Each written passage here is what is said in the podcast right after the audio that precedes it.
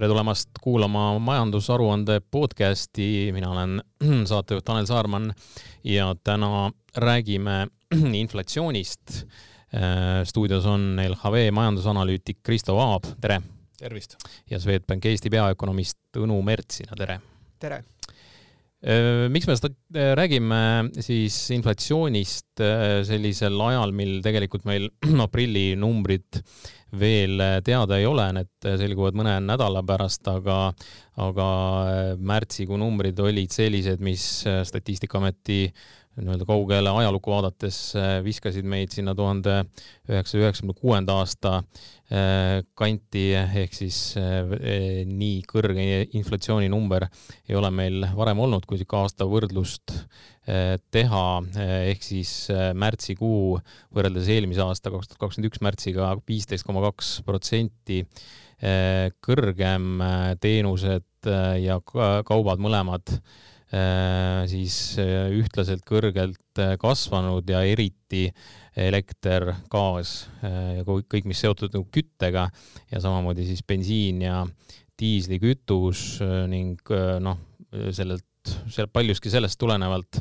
aga põhjuseid on veel, siis ka toit oli on sellel aastal väga oluliselt kallimaks läinud, me räägime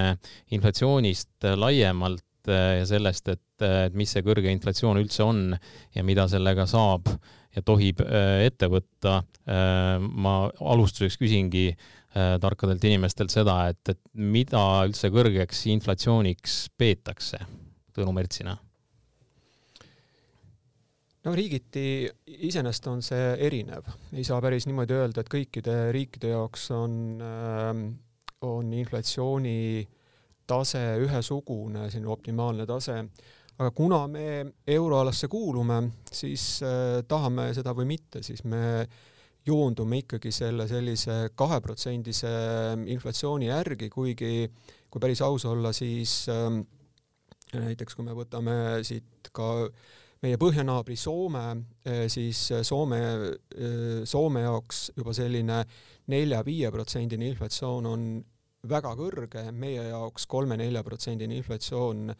on, on tegelikult täiesti selline optimaalne veel. nii et äh, riigiti on see, see pilt üsna, üsna erinev ja mida rohkem ka Eesti konvergeerub äh, teiste Euroopa riikidega, seda tasapisi väiksemaks üldiselt me, ka meie jaoks selline, äh, selline keskmine inflatsioon äh, äh, aeglustub. Kristo Aab, mida selline pikem, pikemaaegne kõrge inflatsioon endaga võib kaasa tuua või mis mida see tähendab, et, et kui me ikkagi räägime ja mis on üldse pikaajaline selles mõttes, et, et, et me näeme siin juba sel aastal, noh, kõik kuud on olnud selline pluss kümme, eks ole, et, et mis see noh, kui pikalt me nagu välja kannatame seda? Ma võib-olla seda inflatsiooni, mis meil nüüd käesoleval hetkel siis või, või praeguse sellise episoodi käigus on olnud veel ei nimetaks päris pikaajaliseks, et kuigi ütleme jah, selline äh, pool aastat äh, on see, on see protsess käinud, et ähm, kui mõelda, noh, pikaajaliselt see inflatsioon äh, peaks hakkama ikkagi nagu mõju avaldama siis riigi nagu sellisele, ütleme, tootmisvõimekusele. Ehk et kui need sisendid kallinevad liiga kiiresti, siis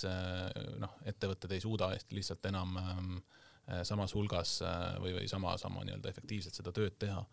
ja, ja võib-olla kui neid märke hakkab nagu tulema, siis me saame ka noh, võiksime pidada seda juba selles mõttes selliseks nagu kas siis pikaajaliseks inflatsiooniks või, või selliseks pikaajaliseks tõsiseks probleemiks.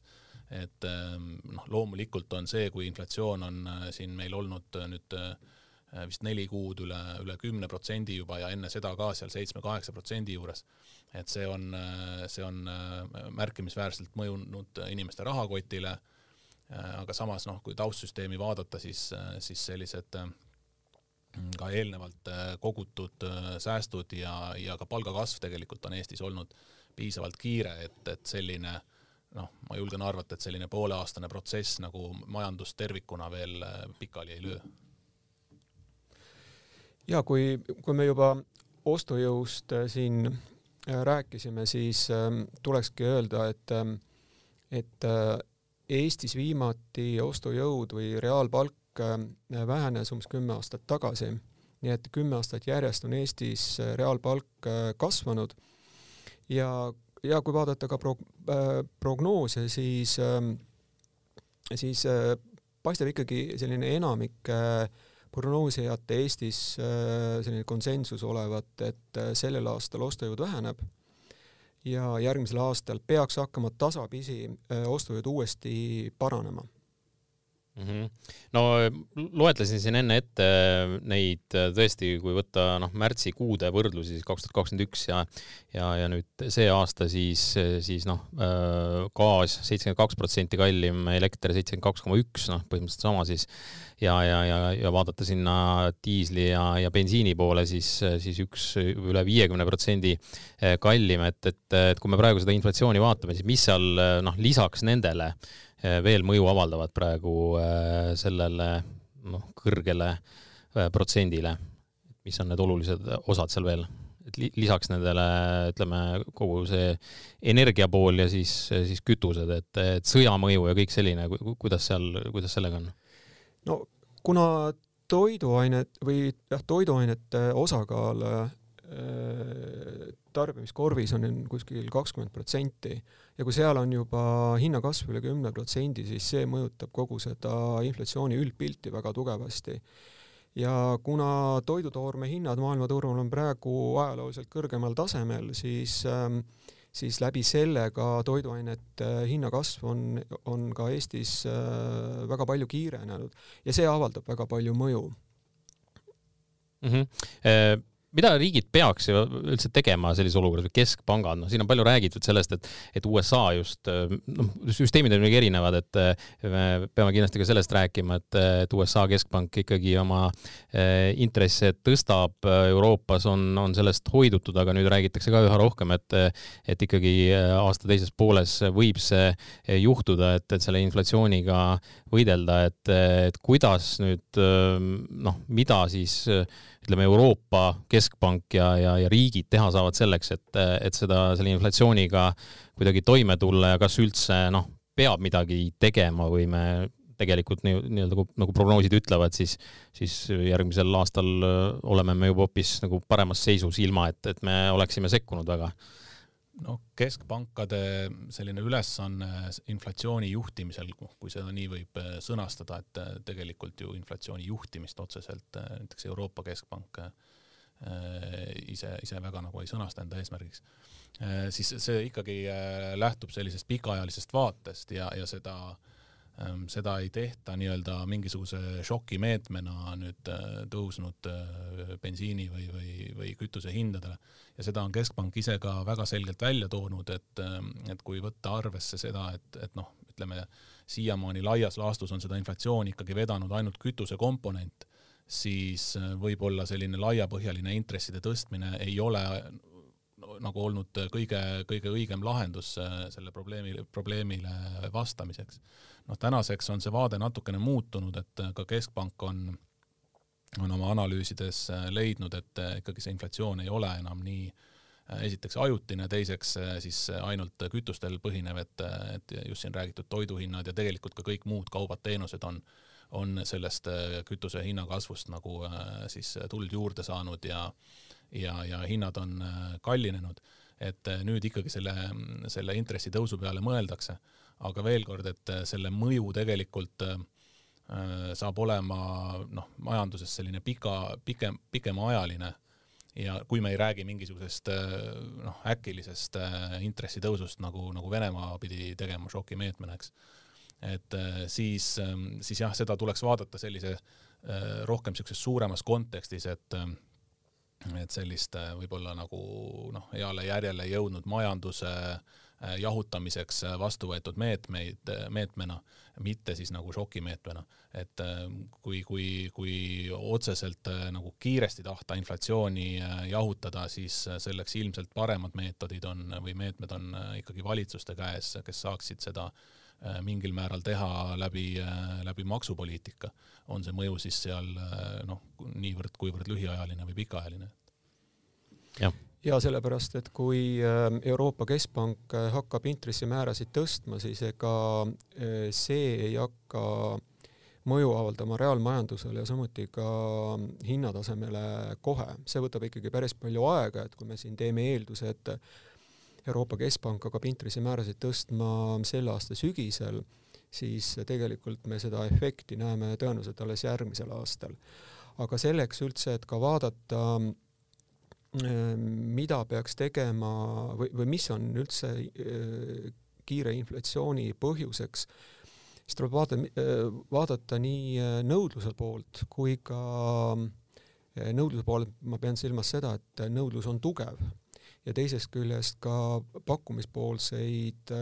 probleeme, ehk siis on need seotud tarneraskustega, on need seotud tootmisraskustega või tootmisprobleemidega. Ja, ja siin nüüd ainult see, et, et USA Föderaalreserv või Euroopa Keskpank intressimäärasid tõstavad, tõstavad intressimäärasid ka või plaanivad tõstma hakata ka teised keskpangad, et et kui me ütleme, võtame maailmaturul toormehinnad, siis siis kõrgete toormehindade allasurumiseks peavad nii-öelda tööd tegema paljud riigid mm. -hmm. no USA puhul peame ikkagi rääkima ka sellest, et sealne föderaalreserv noh, me ei saa nagu sugugi panna nagu võrdlusmärki siin kuidagi Euroopa Keskpanga ja USA föderaalreservi vahel, et selgitame selle vahe ka lahti, et, et nendel on seal neid hoobasid ikkagi nagu rohkem, eks? no tegelikult on keskpankadel põhimõtteliselt inflatsiooni mõjutamiseks üsna sarnased, sarnased äh, Äh,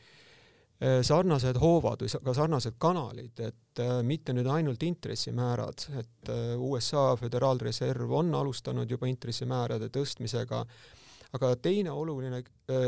külg, millest võib-olla on ka vähem räägitud, on varaostude vähendamine, sellepärast et et varaostudega on ka ju majandusse rohkem raha toodud. Ja kui varaostusid vähendada, siis, siis see tähendab ka seda, et majandusse lisatakse äh, Äh, vähem raha, ma pean silmas, et varaostud täielikult lõpetada, siis, äh, siis see tähendab seda, et majandusse lisandub ka vähem, vähem raha, nii et ähm, tehingud muidugi on mõnevõrra erinevad, mõistagi rahapoliitilised tehingud, aga aga ikkagi sellised põhilised, ähm, põhilised suuremad instrumendid on kas siis varaostud või intressimäärade äh, reguleerimine mm. -hmm no kõige, kõige suurem erinevus, mis nende keskpankade vahel kindlasti tasub mainimist, on äh, on hoopis see, eks, et äh, USA keskpank siis äh, nii-öelda kannab vastutust ju ühe riigi rahapoliitika eest, samas kui, kui Euroopa Keskpank äh, teeb seda Euroopa üleselt ja ja, ja see selline riikide erisused Euroopas on, on päris suured olnud siis noh, eelarvepoliitiliselt ja, ja ka võlatase riikidel on väga erinev. ehk et Euroopa Keskpangal on seda Äh, läbimõtlemist ja kaalutlemist äh, selles osas nagu mitu korda rohkem, et, et võib-olla selliste äh, noh, natukene kiirete või enneaegsete liigutustega kellelegi üleliia liiga ei tehtaks. et see on, see on tegelikult ka varasemalt Euroopa Keskpanka noh, tagasi hoidnud juba nendest negatiivsetest või siis ütleme null baasintressimäära kergitamisel mõistagi ega USA-s on ka ju osariikide lõikes äh, hinnasurved erinevad, aga vahe tuleb ka paljuski sellest, et äh, et kui euroalal on erinevad fiskaalpoliitikad, äh, siis USA-s on ikkagi üks fiskaalpoliitika, nii et see määrab üsna palju ka seda, kuidas saab majandust mõjutada. No räägime selle valitsuste võimalustest ka lähemalt, maksupoliitikast põgusalt oli siin juttu, et mis see mis need äh, meetodid on, et siin äh, noh, on hoiatatud selle eest, et, äh, et noh, või, või ütleme, diskussioon, et, et kas noh, kuidas selle majandusse raha süstimine näiteks kasvõi siin Eestis, et et, et kas ütleme, ehitussektori väga suur toetamine või, või mingisugused ühekordsed toetused kasvõi inimestele, et, et kuidas, kuidas need omakorda teevad nad olukorda paremaks või, või halvemaks, et, et kuidas me siin peaksime, peaksime vaatama seda, et, et valitsus nii-öelda, milliseid õigeid või, või valesid samme ütleme, võib-olla populistlikke samme astudes võib, võib tegelikult ikkagi hoopis vale vale asja teha, et, et kuidas, kuidas valitsused saavad mõjutada seda? kui inflatsioon on kiire ja majandusse lisada rohkem raha, olgu see siis kas siis läbi investeeringute või siis äh, läbi äh, subsideerimise, mis siis äh,, kus raha läheb siis tarbimisse võib-olla kõige kiiremini, siis mõistagi see see ki võib kiirendada inflatsiooni. aga muidugi nüüd praeguste rahaeralduste või, või raha, ütleme nende subsideerimit või jah, rahaeralduste juures tuleks, tuleks ikkagi arvestada seda, mis eesmärgil need praegu tehtud on, et et kas me, kas, et, need ei ole nüüd puhtalt ainult mõeldud majanduse,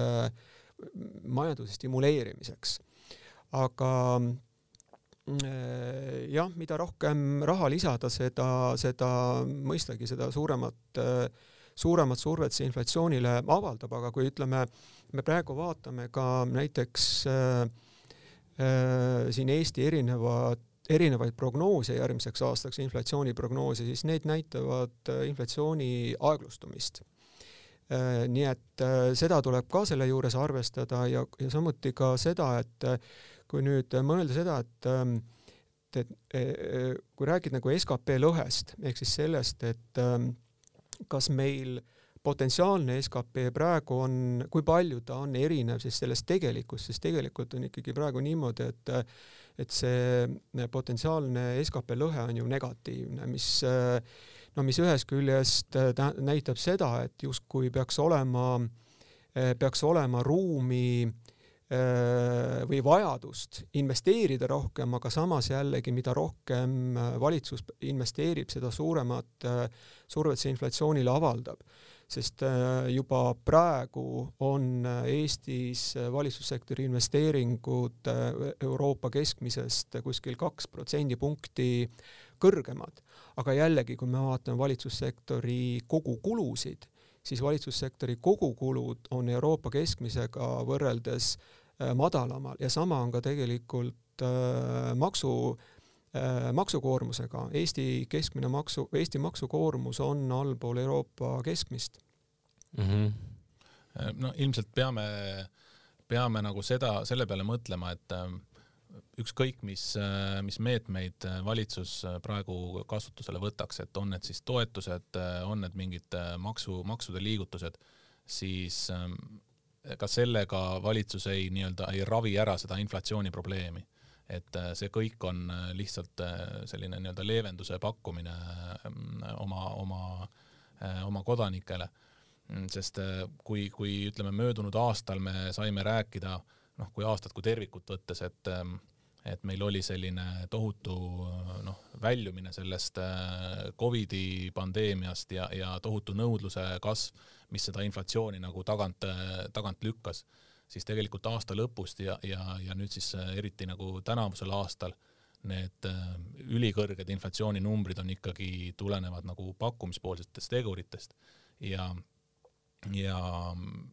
mitte sellest pakkumisest, mis oleks siin meil riigis mõjutatav ehk et see on selline noh, kõik nii-öelda see imporditud inflatsioon ja, ja selles osas äh, valitsusel siin äh, noh, ei ole nagu äh, suuri hoobasid mitte midagi teha. et eks see küsimus jah on, et kui palju toetada, keda toetada, sellised sihitud toetused on, on selles mõttes või selles valguses minu arust ka õigemad, võib-olla õigem lähenemine Äh, sest tõepoolest, et kui seda raha nagu äh, jagada nii-öelda laia kaarega, äh, siis, siis võib see tekitada sellise noh, justkui nagu lisanõudluse või, või ütleme, see noh, lisasüst nagu majandusse võib minna nagu võib-olla sellise noh, liiga suureks, et, et, et seda saaks hoida nagu väiksemana Äh, korraks vaatame ka äh, Euroopasse laiemalt ja kui tõesti neid märtsi tulemusi äh, vaada, lähemalt vaadata, siis, siis oli, oli nii-öelda euroala keskmine oli seal kuskil seitsme koma viie protsendi peal, aga, aga noh, Leedu, Eesti, Läti ja, ja Holland olid siis kuidagi nagu nii-öelda kõrgema kõige kõrgema inflatsiooni näitajaga, et, et mis, mis selle taga on, Baltikum ja Holland seal niimoodi, on see niisugune juhuslik või, või, või mis selle taga võib olla? no Baltikumis, Balti riikides on inflatsiooninäitajad olnud püsivalt kõvasti, tublisti üle Euroopa, Euroopa keskmise ja sama tee, samat moodi on siis ka Eesti ja ka Leedu inflatsiooninäitajad olnud äh, tublisti üle, üle Euroopa keskmise. ja selle, selle põhi, selle põhjusi on üldiselt äh, palju.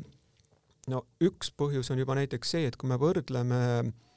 kui me võrdleme palgakasvusid äh, Euroopa keskmist ja, ja siin Balti riikides, Leedus, Lätis, Eestis see näitab seda, kui suur äh, on nõudluse jõud ühest küljest äh, Balti riikides. teisest küljest äh, on ähm, ka, avaldab mõju see, et kuna tegemist on väiksemate riikidega, siis igasugused ähm, hanked, mis tehakse, ähm, kaupade ostud, mis tehakse, selliseid, selliseid oste Äh, ost-, selliseid hindasid äh, ei ole võimalik äh, ütleme nii madalaid hindasid ei ole võimalik saada väiksemas riigis, kui on võimalik saada suuremate mahtude juures, näiteks juba see mõjutab. nii et ähm, äh, samuti on kiire majanduskasv, et see, see samuti mõjutab seda kiiret hinnakasvu, nii et äh, et tegureid on palju ja, ja eks see selline kiire hinna või kiirem Euroopa või euroala keskmisest kiirem hinnakasv tõenäoliselt jääb siin veel mõneks ajaks püsima, ikka päris pikaks ajaks. Lähme nüüd äh, jutuga selle, selles mõttes järgmisse aastasse, et siin äh, möödunud nädalal küll äh, Luminor avaldas ka oma majandusprognoosi, kus siis öeldi, et et sel aastal kaksteist protsenti tarbijahinnaindeks ja, ja järgmisel aastal langeb see kolme juurde, me ei anna siin öö, otseselt nagu hinnanguid sellele, ei, ei, ei disk-, diskuteeri selle üle, aga, aga meenutame ehk seda, et mida LHV Swedbank on siin prognoosinud ja, ja tegelikult oli juba sellest ka juttu, et, et tegelikult ikkagi laialdaselt on selline arvamus, et, et me öö, järgmisel aastal näeme ikkagi jällegi sellist öö, normaalset äh, tarbijahinnaindeksit, inflatsiooni, et ähm, mis, mis teie hinnangul siis meid järgmisel aastal ootab, et, et mida tarbijad peaksid siis äh, arvestama Tõnu Mertsina? meie prognoos, millega me nüüd äh, kuuendal aprillil välja tulime, oli selleks aastaks kümme protsenti ja järgmiseks aastaks neli pool protsenti. ehk siis hinnakasvu aeglustumine toimub ja miks me prognoosime hinnakasvu aeglustumist, on, ähm, on peamiselt see, et äh, ühest küljest me küll ütleme seda, et energiahinnad jäävad kõrgeks, aga sellist äh, kasvu edasikiirenemist, nagu see toimus nüüd eelmise aasta teisel poolel ja ka sellel, äh, sellel aastal, järgmisel aastal, sellises tempos ei tohiks enam tekkida ja sama, sama peaks olema ka äh, Äh, teiste äh, toormehindadega, mis siis tähendab seda, et äh, kui juba sellel aastal keskmiselt hinnad tõusevad kümme protsenti, siis sellega toimub juba nii-öelda nagu tasemenihe hindades. et kui järgmisel aastal hinnad kasvavad neli pool, siis võib tunduda, et hinnakasv, muidugi hinnakasv aeglustub, aga tegelikult see näitab seda, et hinnad kasvavad edasi aeglasemalt, hoopis kõrgemal tasemel. Nii et ähm, väga paljuski jah, on tegemist äh, ka baasefektiga, sest noh, näiteks kui me võtame ka ühe sellise äh, detaili selle inflatsiooni juures, näiteks äh, autokütused, et hinnakasv on äh, väga kiire, aga juba varsti tegelikult äh, sellel aastal me hakkame nägema autokütuste äh, hinnakasvu juures baasefekti, mis hakkab, äh, hakkab siin inflatsioonile mõju avaldama. Ja järgmisel aastal jah, äh, äh, selline baasefekt peaks olema tugevam. Ja, ja lisaks sellele baasefektile on, on tegelikult väga oluline just see, et äh, mida ka Tõnu ka puudutas, et see hinnatase, kuhu me oleme jõudnud, et kui näiteks noh, kui mõelda nafta hinnale maailmaturul, siis selline praegu on see hind seal natukene üle saja, eks, et tegelikult see hinnatase ei ole midagi enneolematut sellist äh, perioodi on olnud äh, seal kahe tuhande vist üheteistkümnendast neljateistkümnenda aastani mitu aastat järjest, kus hinnatase keskmiselt püsiski sellisel perioodil või sellisel tasemel ja, ja maailma majandusega ei juhtunud äh, hullu midagi. Aga et, et selles kontekstis tuleb nagu arvesse võtta, et, et see kiire kasv on ka olnud võimalik, kuna, kuna nafta hinnad noh, olid siin ütleme siis selle sellele kiirele üksteist kuni neliteist aasta kasvule järgnevalt jälle võrdlemisi madalad pikka aega. et nüüd tänases kontekstis siit edasi kasvada sama tempoga, noh, see, see tähendaks tõesti juba sellist mingisugust nii-öelda Äh, noh, uut arengut nagu ka maailma naftahindade äh, ajaloos ja, ja sellest ei ole tõenäoliselt äh, noh, huvitatud ühelt poolt siis sellised netoimportijad kindlasti mitte, aga ega teiselt poolt ka tootjad ja eksportijad ei ole huvitatud sellest, et see hind väga kõrgeks läheb pikal perioodil, sest et noh, see omakorda siis ju meelitab jälle kõikvõimalikke kallimaid tootmisviise turule ja ja, ja nii võivad praegused tootjad oma, oma osa kaotada turul no praegu käib, käib just see, mis, mida, millest siin on juba mõnda aega räägitud ja, ja sõja, sõja tõttu eriti see toormeturgude ümbermängimine, et, et, et see peaks ka ikkagi nüüd lähikuudel või ütleme, selle aasta jooksul noh, erinevates siis kus iganes valdkondades ikkagi toimuma, noh, ise, iseenesest kui, kui keeruline või, või lihtne see on leida neid uusi turge, näiteks Venemaa-Ukraina Eh, turgude asemele, noh, Ukraina puhul siis loodetavasti ajutiselt, Venemaa puhul tõenäoliselt pikemalt, aga, aga et, et see on üks, üks koht, mis siin kindlasti hakkab neid, eh, seda mängu mõjutama ka, ka juba, juba siin kaks tuhat kakskümmend kolm aastal, et kui need, need toormeturud nii-öelda ümber mängitakse. ja see kindlasti hakkab olema nii-öelda huvitav protsess, sellepärast et äh, ühest küljest äh, tekib äh, tekib nõudlus äh, äh, teistest riikidest, ma pean silmas Venemaast, äh, Venemaaga, mitte, mitte nüüd Venemaast rääkides, et osta tooret muudest riikidest, aga samas hakkab ka ju Venemaa otsima endale uusi turge, tõenäoliselt rohkem kuskil kas Aasias või, või, või mingites ähm, arenguriikides.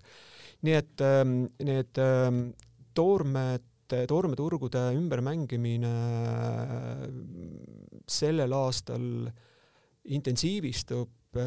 osade toorete juures läheb see kiiremini, osade juures läheb see aeglasemalt ja see toob äh, kaasa tõenäoliselt äh, päris suure sellise segaduse tegelikult, mida praegu on ka raske prognoosida, sellepärast et raske on äh,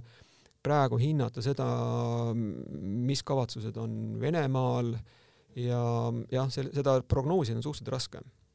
mm. -hmm. ja kui me vaatame sealt võib-olla natukene veel edasi,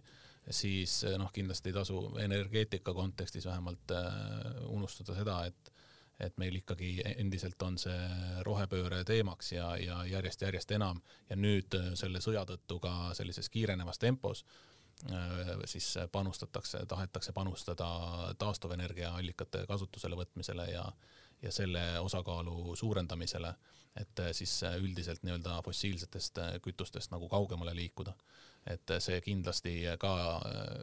noh, nii-öelda annab, annab oma mõju selle, selle mm, kütuse või energiaturu ümberstruktureerimisse, aga noh, see, nagu ma ütlen, et jääb siit natukene veel ilmselt aastate taha, et seda mõju nagu tugevamalt näha no lõpetuseks räägiks ka sellest teisest poolest, mida teie pangad on, on palgakasvu osas äh, prognoosinud või prognoosivad, et, et üks asi on, on, on see hinnakasv, aga, aga oluline teine pool on see palgakasvu pool ka, et, et kuidas, kuidas seda näete nüüd äh, nii, ütleme siis pigem nagu vaatame siis kaks tuhat kakskümmend kolm aastat? me korrigeerisime oma palgakasvu prognoosi sellel aastal allapoole, et kui jaanuaris oli meil äh, seitse protsenti, siis sellel aastal me võtsime ühe protsendipunkti võrra väiksemaks järgmise aasta äh, prognoosi. Eh, nii et eh, selline kuue protsendi lähedane palgakasv nominaalis eh, peaks jätkuma. tegemist on ikkagi tugeva palgakasvuga ja selle taga on peamiselt see, et tööjõupuudus vähemalt siin lähemal ajal peaks jääma selliseks, mis suurestab palgakasvu ja teisest küljest, et isegi kui majandusel läheb sellel aastal äh, halvemini, siis äh, paljude töötajate ootus äh, kiiremaks par-, kiiremaks palgakasvuks, et ki-, või palkade kiiremaks tõstmiseks on, on see, mis ka palku üleval hoiab. sellepärast, et kui ikkagi sellel aastal me prognoosime kümne protsendi juures inflatsiooni, siis töötajad eeldavad ka, et nende palk kasvab samuti kiiresti samas on jällegi probleem selles, et kui majandusel läheb halvemini si- ja samuti on toormehinnad tõusnud, äh, tootmissisendite hinnad on tõusnud, siis äh, ettevõtetel on ka raskem äh, väga kõrgeid või väga kiiret palgakasvu teha. nii et selline see prognoos on Äh, ja selle, selle, ütleme, kui me vaatame seda aastat, äh, kuue poole protsendine palgakasv ja samal ajal on äh, inflatsioon kümme protsenti, siis lihtne arvutus näitab, et tegemist on ostujõu vähenemisega. järgmisel aastal, kui palgakasv on kuus protsenti, samas jällegi netopalgakasv on kuskil pealt viie protsendi ja inflatsioon on neli pool protsenti, siis siit me näeme, et et selline tagasihoidlik äh, reaalpalga kasv või siis ostujõu kasv peaks järgmisel aastal toimuma. aga ma tooksin ühe näite tegelikult selle aasta kohta, et kuigi sellel aastal ostujõud äh, väheneb, muidugi erinevate kaupade juures on see pilt erinev, aga kui me võtame näiteks äh, bensiini hinna, mis on praegu siin selline rekordkõrgel ja äh, vaatame, kui palju saab keskmise palga eest äh, bensiini osta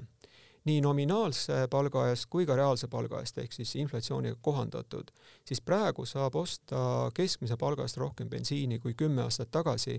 mil äh, kütusehinnad olid samuti väga kõrgel. Kristo Aab, mis, kuidas teil selle palga,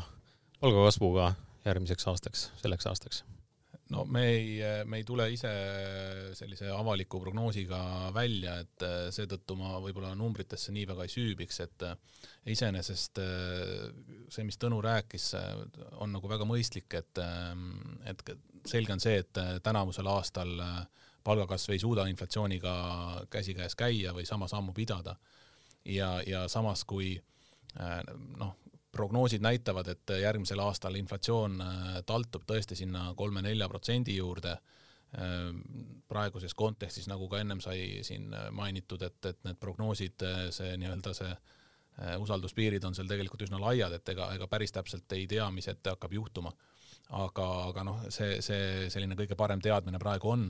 et äh, selles kontekstis äh, noh, on tõesti loogiline, et, et meil see mm, palga nii-öelda ka reaalne palgakasv siis järgmisel aastal jälle ta, taastub ja inimeste ostujõud hakkab suurenema. ja võib-olla, mida veel tasuks mainida, et et kogu selle, selle nii-öelda kahekohalise inflatsiooni juures, mis meid siin mitu kuud on juba, juba nörritanud, siis äh, Äh, tegelikult äh, ka jaemüügi statistika näitab seda, et äh, inimeste selline tarbimistahe ja, ja ostutahe ei ole kuhugi kadunud, et jaemüügi numbrid kasvavad nii nominaalis kui ka, kui ka mahtude mõttes edasi. ja, ja sellel, sellel on noh, see, see annab tegelikult sellise äh, Äh, noh, natuke nagu positiivsema noodi kogu sellesse praegusesse majanduspilti, et et ikkagi ka selle Covid kriisi ja siin eelnevate aastate kogul jooksul nii-öelda kogutud säästud on, on inimestele ilmselt ka täna, tänapäeval abiks ja ja, ja suudetakse seda elujärge hoida sellisel noh, võrdväärsel tasemel eelnevaga. Tõnu Märtsina ja et kui vaadata tarbijate kindlustunnet, siis tarbijate kindlustunne on küll äh, järk-järgult allapoole läinud, märtsis mitte midagi erakordselt tugevat kukkumist, kui nüüd me võrdleme siin kahe aasta taguse aprilliga. aga samas jällegi ähm, kindlustunne teha suuremaid oste. Märtsis ei liikunud kuskile allapoole, jäi sisuliselt samale tasemele, nagu ta oli äh, äh, veebruaris ja ka jaanuaris ja isegi kui me vaatame näiteks äh, äh, kui me vaatame näiteks äh, Leedut, Leedus huvitaval kombel see kindlustunne isegi paraneb. vot sellise sõnumiga tõmbamegi joone alla tänasele podcastile. ma tänan LHV majandusanalüütikut Kristo Aabi ja Swedbanki Eesti peaökonomisti Tõnu Mertsinat. kõike head ka kuulajatele, kohtume juba nädala aja pärast